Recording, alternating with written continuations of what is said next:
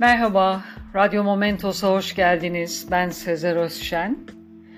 Bugün pazar günü müziği yayını yerine yine bir hikaye anlatıp bu haftayı böyle tamamlamak istedim.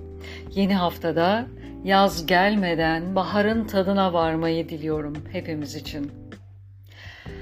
Genç adam ıssız bir yerdeydi. Uçurumun kenarında. Aşağı baktı. Lanet olsun böyle hayata.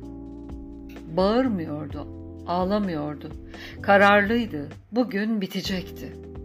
Bu esnada arkasında bir el hissetti. Bu saçları dökülmüş, bıyıkları hafif kırlaşmış, kırklı yaşlarında bir adamdı.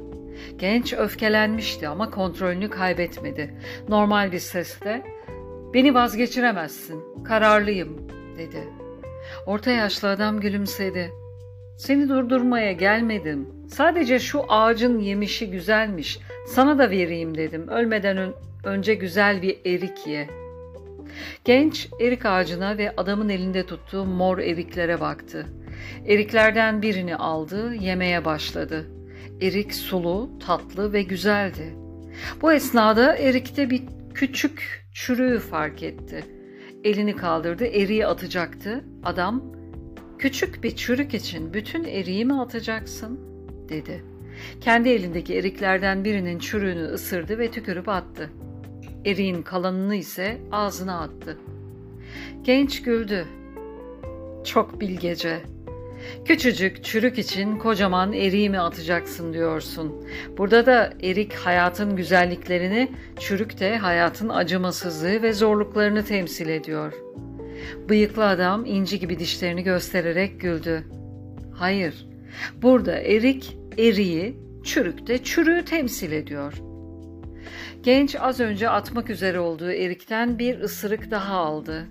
Ardından anladım. Sen bana hayatın anlamını anlatıyorsun. Ben sana erik ve çürük diyordum, anlam verdin. Bak ne oldu diyorsun. Sen bana eğer ben bir anlam verirsem hayatın anlamlı olduğunu söylemeye çalışıyorsun. Adam yine başını salladı ve gence bir erik daha uzattı. Hayır, Genç yine düşüncelere daldı. Hmm, hayır, şimdi gerçeği anladım. Sen buraya beni kurtarmaya gelmedin. Sadece erik vermek istiyorsun. Orta yaşlı adam. Ha şöyle. Evet, erik vermeye geldim. Bana çok. Ziyan olmasın güzelim erikler. Genç sen bana bu davranışınla dünyanın benim çevremde dönmediğini, insanların beni umursamadıklarını ve umursamalarının da gerekmediğini gösteriyorsun. Ben özel değilim. Ben kendimi öldürürsem sadece beni seven annem babam gibi birkaç kişiyi üzüntüden kahrettiğimle kalacağım. O düşüncelerine çok ve önem verdiğim insanlar, kalabalıklar umursamayacak bile. Adam, kardeş ben ilkokul terkim. Küçükken havale geçirmişim. O yüzden aklım dediklerine pek yetmez.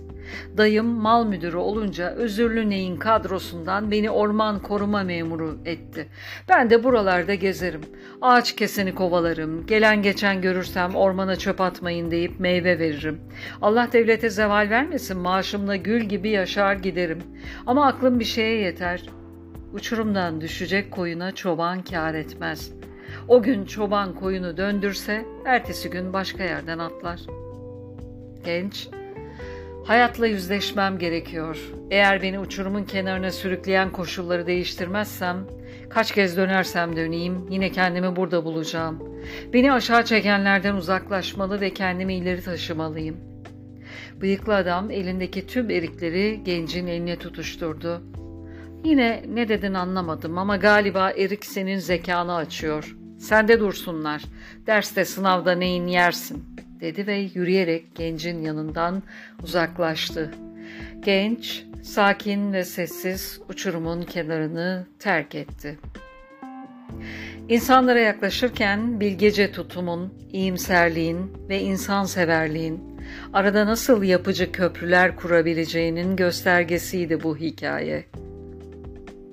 Ve herkese herkese ulaşsın bu hikaye. Dinlediğiniz için teşekkürler. Hoşça kalın. Momentos'la kalın.